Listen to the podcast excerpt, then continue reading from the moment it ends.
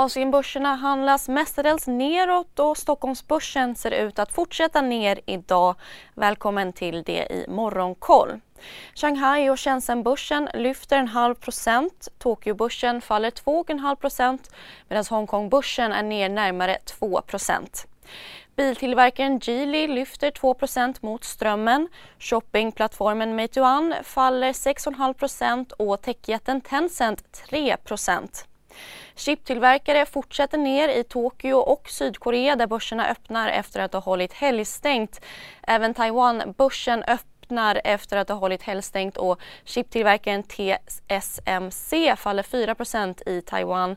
Det är efter att USA infört hårdare exportrestriktioner mot Kina för halvledarbolag.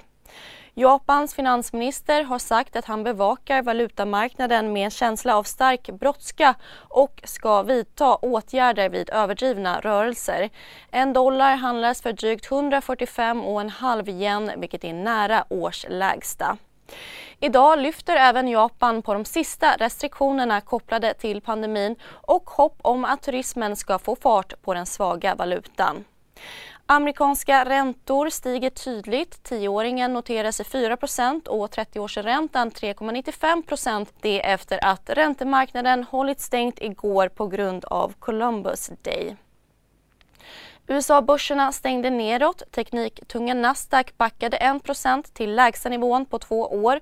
S&P 500 föll 0,75 JP Morgans VD Jamie Dimon varnar för att USA är på väg mot en lågkonjunktur och att det breda in... Hej, Ulf Kristersson här. På många sätt är det en mörk tid vi lever i. Men nu tar vi ett stort steg för att göra Sverige till en tryggare och säkrare plats. Sverige är nu medlem i Nato. En för alla, alla för en.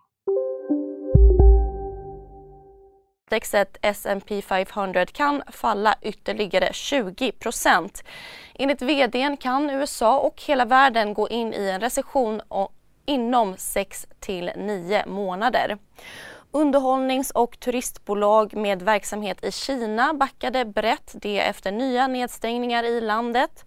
SPAC-bolaget Digital World Acquisition har skjutit upp sin stämma där aktieägarna ska lägga sina röster kring Donald Trumps plattform Truth Social. Enligt amerikanska medier riskerar affären nu att misslyckas och därmed hela plattformen. USAs president Joe Biden har utlovat eh, luftförsvarssystem till Ukraina efter ryska robotattacker mot flera städer i Ukraina. Vidare har flera amerikanska flygplatser drabbats av kortare ryska cyberattacker. Tobaksjätten Philip Morris är villiga att sälja Swedish Match distributionsverksamhet SMD och det för att få igenom sitt bud på bolaget skriver DI med hänvisning till EU-handlingar.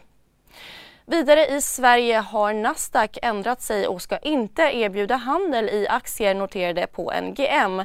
Därmed kommer Konkurrensverket inte fortsätta den pågående utredningen i frågan och avslutar ärendet. Slutligen steg den brittiska detaljhandeln klart mer än väntat i september med 1,8% mot i september förra året. I augusti var ökningen 0,5 på agendan idag rapporter från Dustin och Öresund. Dessutom IMFs globala konjunkturrapport under eftermiddagen och såklart Börsmorgon som vanligt 8.45.